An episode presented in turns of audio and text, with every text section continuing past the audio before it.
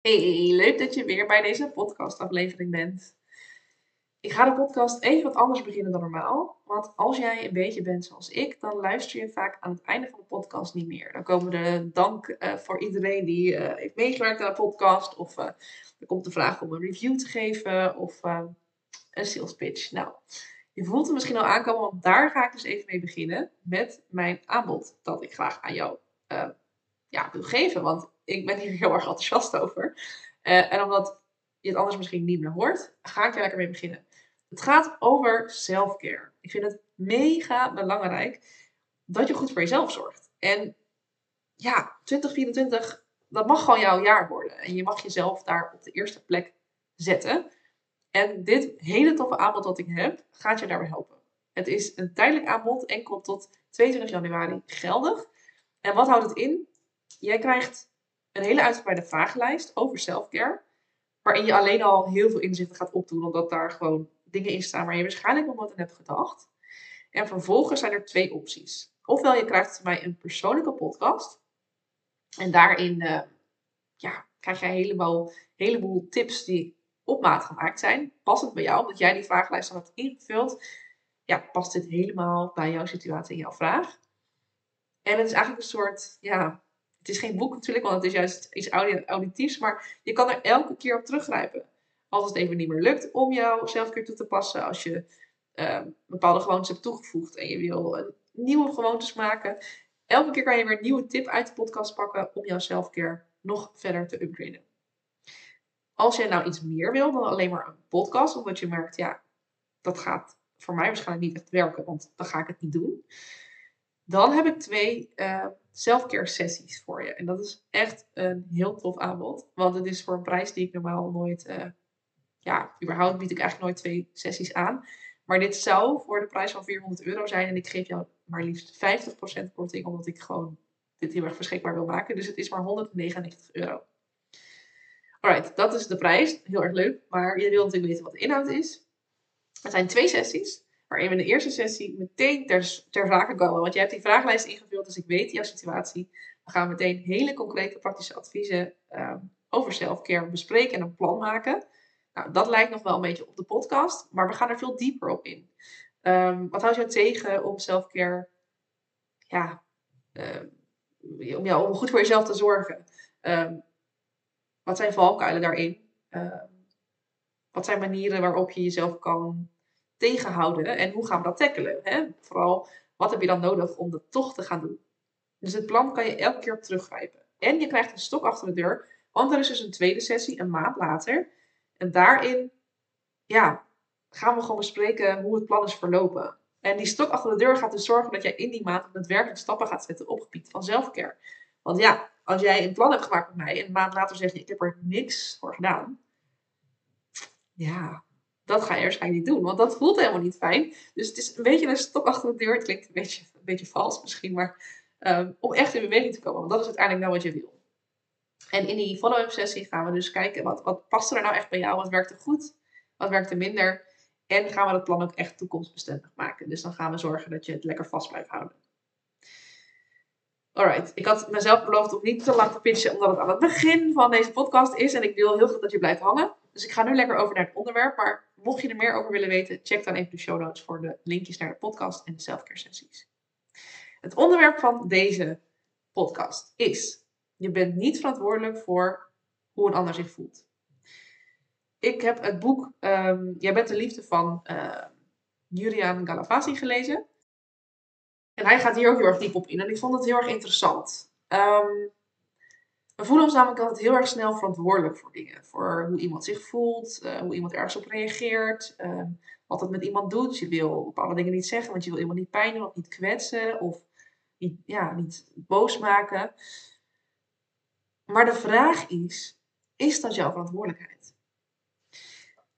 Ik ga er even vanuit, want ik ben heel erg goed van vertrouwen. Ik, vind, ik zie altijd het beste in mensen. Dus ik ga ervan uit dat alles wat jij doet, vanuit oprechtheid is en vanuit het beste voorhebben met anderen. Dit is een zin die ik mijzelf ook heel erg vaak heb verteld in coaching. Ik heb het beste voor met mijn klant. Ik zit hier niet om jou uh, allerlei dingen te vertellen om je te kwetsen of om je heel erg hard te confronteren of om juist ehm, iets te verkopen. Of ik zit hier echt om jou te helpen. Ik, deze podcast neem ik op, maar ook als mijn klant wordt, ik wil jou echt helpen. Weet je, ik heb een hele goede intentie.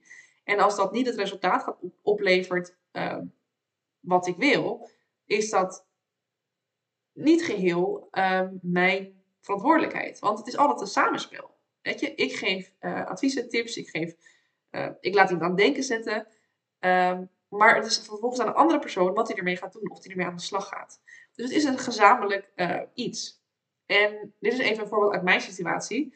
Maar stel jij zegt iets tegen iemand anders en je bent bang dat die persoon geraakt wordt. Maar je zegt het wel met de beste intentie, namelijk om iemand te helpen, om, om, om iemand beter te laten worden in zijn vak bijvoorbeeld. Hè? Dus stel jij bent leidinggevende of jij eh, zegt het tegen een collega, ik zou het de volgende keer zo of zo doen. Dan zeg je dat omdat je oprecht wil dat die ander het de volgende keer uh, nog beter kan maken. Omdat je nu al potentie ziet, maar het kan nog beter. En je bent misschien bang dat het iemand kwetst, maar als het iemand kwetst of als iemand boos wordt, dan is dat dienstverantwoordelijkheid. Dan is het de verantwoordelijkheid van de persoon die die opmerking heeft gekregen van jou. Snap je wat ik bedoel? Um, jij bent niet verantwoordelijk voor de reactie van een ander. Jij bent verantwoordelijk voor wat jij zelf doet. Dat wil niet zeggen dat het jou dus ontslaat van naar jezelf kijken als iets pijn doet bij een ander. Je mag altijd naar jezelf kijken en denken, oh, sta ik er nog steeds achter hoe ik het heb gedaan of zou ik het anders willen doen? Je keurt je eigen gedrag niet per definitie dan goed. Je kan er nog steeds wat aan aanpassen of iets aan doen. Maar het zorgt er wel voor um, dat je het los kan koppelen, zeg maar, van, van wat jij doet en hoe de ander ermee omgaat. En andersom geldt hetzelfde. Dus als iemand jou iets vertelt, iemand een opmerking maakt naar jou toe en dat raakt jou heel erg, dan is het jouw verantwoordelijkheid hoe je ermee omgaat. Dus jij kan zeggen: hey, um, goed dat je het zegt, maar dit raakt me wel erg, heel erg, merk ik. Uh, kunnen we het hier even over hebben? En dan ga je ermee om door het gesprek aan te gaan. Maar je kan ook heel boos worden en die ander heel erg kwalijk nemen. En dat mag soms ook. En dat is soms ook heel erg je goed recht. Hè? Want die ander ja, heeft misschien ook wel iets pijnlijks gezegd. Hè? Dus je, je bent verantwoordelijk voor hoe jij zelf reageert, hoe je zelf ergens mee omgaat. En ook voor hoe jij jezelf voelt. Even een heel praktisch voorbeeld. Ik heb in de kerstvakantie kolonisten van Catan gespeeld. En nu denk je, wat heeft dit ermee te maken? Maar uh, I'll get to the point. Ik, um, ik vind het een fantastisch spel. Mijn vader ook. Ik was met mijn ouders en mijn partner. Mijn partner vindt het ook heel erg leuk. Maar mijn moeder, die vindt het niet zo'n leuk spel. Althans, ze vindt het wel oké. Ze vindt het vooral leuk om met ons iets te doen. Maar ze doet liever een samenwerkingsspel of zo. Dit, hier zit je elkaar toch best wel in de weg. En toch zegt zij regelmatig... Oké, of nou ja, regelmatig. Ik denk dat we het eens per jaar doen. Maar dan zegt ze, oké, weet je, prima. Deze keer ga ik wel meedoen. Dus zij offert zich op, als het ware. Maar dat is haar keuze. Het is haar keuze dat ze meedoet aan het spel. En ik voelde mij vroeger, en dat merkte ik nu ook weer op, toen we dit deden bij, uh, bij Oud en Nieuw, uh, verantwoordelijk voor hoe zij zich dan voelde. Dat ze het wel leuk zou hebben in het spel. Dat ze wel genoeg kansen kreeg in het spel. Dus ik ging ook meer met haar ruilen. Totdat ik me besefte, ik ben niet verantwoordelijk voor hoe zij zich voelt in het spel. Dat klinkt misschien een beetje onvriendelijk. Maar zij heeft gekozen om mee te doen. En het is natuurlijk heel goed en heel lief om daar rekening mee te houden. Dat het leuk blijft, want dat vind ik nog steeds heel belangrijk. Um, maar ik mag wel gewoon voor de winst gaan in dit spel. Want dat is nou helemaal waar het om draait. En natuurlijk kan ik haar dan alsnog lief voor haar zijn door gewoon tussendoor lekker te kletsen. Of wat extra drinken te pakken. Zodat, ik, zodat ze daar zin heeft. Hè? Dat, dat, is, dat is prima. maar ik hoef niet um, me verantwoordelijk te voelen voor het feit dat ze het misschien niet zo leuk vindt. Want ze heeft er zelf mee ingestemd dat zij dat spelletje ging spelen. En er kwam ook een punt in het spel dat mijn moeder het dus niet zo leuk vond. En mijn partner ook niet, want mijn paar, uh, nou ja, weet ik veel. Uh, Zo'n spel is best wel altijd afhankelijk van je kansen in, ja, je mogelijkheden. Ik weet niet of je het ooit gespeeld hebt. Maar als jij op slechte posities staat in het spel, dan, dan is het gewoon minder leuk, omdat er minder binnenkomt en je minder dingen kan aanschaffen. Um, en ik merkte dat zij daar, dat ze zich daar niet zo lekker, ja, dat ze zich wat teruggetrokken of zo, zich minder fijn voelde. En misschien herken je het wel als je ook hoogsensitief bent, maar ik neem best wel snel emoties over van andere mensen. Um, dus ik voelde me ook een beetje dat ik dacht, oh ja, is het eigenlijk wel leuk dit spel? En toen realiseerde ik me weer, oh ja, maar ik vind het spel eigenlijk heel erg leuk. En ik, ik vind het nu ook nog heel erg leuk. Dus ik hoef die emotie ook niet over te nemen van iemand. Het helpt gewoon heel erg om er bewust van te zijn. Dit is van mij, dit stukje. En dat stukje is van jou. En dat laat ik ook bij jou. Je kan het ook letterlijk tegen jezelf zeggen in je hoofd. Oké, dit is van mij. En dit is niet van mij. Dit laat ik bij deze persoon. Dus je mag verantwoordelijkheid pakken over je eigen gedrag. Over wat jij zelf doet. Je mag daar naar kijken. Je mag dingen aanpassen. Maar je bent niet verantwoordelijk voor het gevoel van een ander. Omdat jij waarschijnlijk echt vanuit de oprechte intenties ergens ja, uh, iets zegt of ergens uh, je mee bemoeit. Dat doe je vanuit alle oprechtheid. En als iemand daar een vervelend gevoel bij heeft, dan is het aan die persoon om dat te vertellen. En dan kan je er natuurlijk samen mee over in gesprek gaan. En kan jij ook zeker kijken naar jouw eigen gedrag en zeggen: joh, sorry, ik had het anders moeten aanpakken. Maar je kan er altijd achter staan, omdat je het wel vanuit oprechtheid, op, ja, op een liefdevolle, vanuit een liefdevolle plek hebt gedaan.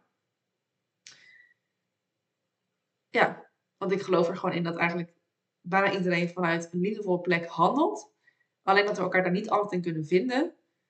Um, ja, omdat we het anders interpreteren. Ik denk heel veel dingen gaan ook verloren in de vertaling, als het ware. Als het ware omdat jij iets op een bepaalde manier brengt en de ander het op een andere manier interpreteert. En daar ontstaat heel veel miscommunicatie en vervelende gevoelens of uh, je de ander iets kwalijk nemen, terwijl het helemaal niet zo bedoeld was. En daarom ben ik ook altijd voor hele goede, open, transparante communicatie. En ik weet dat dat soms spannend is en doodeng en kwetsbaar voelt. Maar mij brengt het heel veel moois. Um, ja, dus ik probeer dat altijd open te breken. Als ik merk van, hé, hey, dit doet mij iets. Dan zeg ik, hé, hey, um, ik merk dat dit me raakt. En misschien interpreteer ik het verkeerd, maar ik heb het gevoel dat je dit en dit, zegt. Heb ik dat goed of bedoel je het anders? En heel vaak bedoelen ze het dus helemaal niet kwetsend. Of uh, kwam het er anders uit. Of heb ik het in ieder geval anders geïnterpreteerd dan we het bedoelden. En soms hebben ze dat misschien wel, maar dan hebben ze een hele goede redenatie achter. En dan kan ik me er ook weer in vinden. Um, ja, dus wat dat betreft communicatie. Ik merk dat ik heel erg um, ben van het afdwalen. ik heb nu, dit is de derde podcast op rij die ik opneem. En in alle drie ben ik lekker ook uh, richting een andere verhaallijn uh, gaan. Maar goed, de conclusie blijft dus: je bent verantwoordelijk voor je eigen gedrag. En niet voor wat het met een ander doet of hoe zij hiermee omgaan. Um, neem niet weg dat je wel altijd naar jezelf mag kijken. Um, maar het is gewoon een hele fijne gedachte. Oké, ik ben vanuit oprechtheid aan het handelen. En eigenlijk is het daarmee dus ook goed. En kan ik een ander helpen om ook dat perspectief te krijgen. Of, of in ieder geval samen er samen uit te komen op. op um, nou ja, soms ook gewoon agree to disagree. Dus dat het hè, niet eens worden, maar dat het ook oké is. Dat is ook oké. Okay. Alright, voordat ik nog langer uh, misschien weer in een afdwaling uh, van het onderwerp ga. Dankjewel voor het luisteren. Dankjewel dat je door, de, uh, door het verhaal aan het begin bent heen geluisterd om deze podcast te luisteren. dus heel kort, mocht jullie een selfcare podcast of selfcare sessies willen, check dan even de show notes. En verder zie ik jou heel erg graag weer bij een volgende podcast aflevering. Doeg!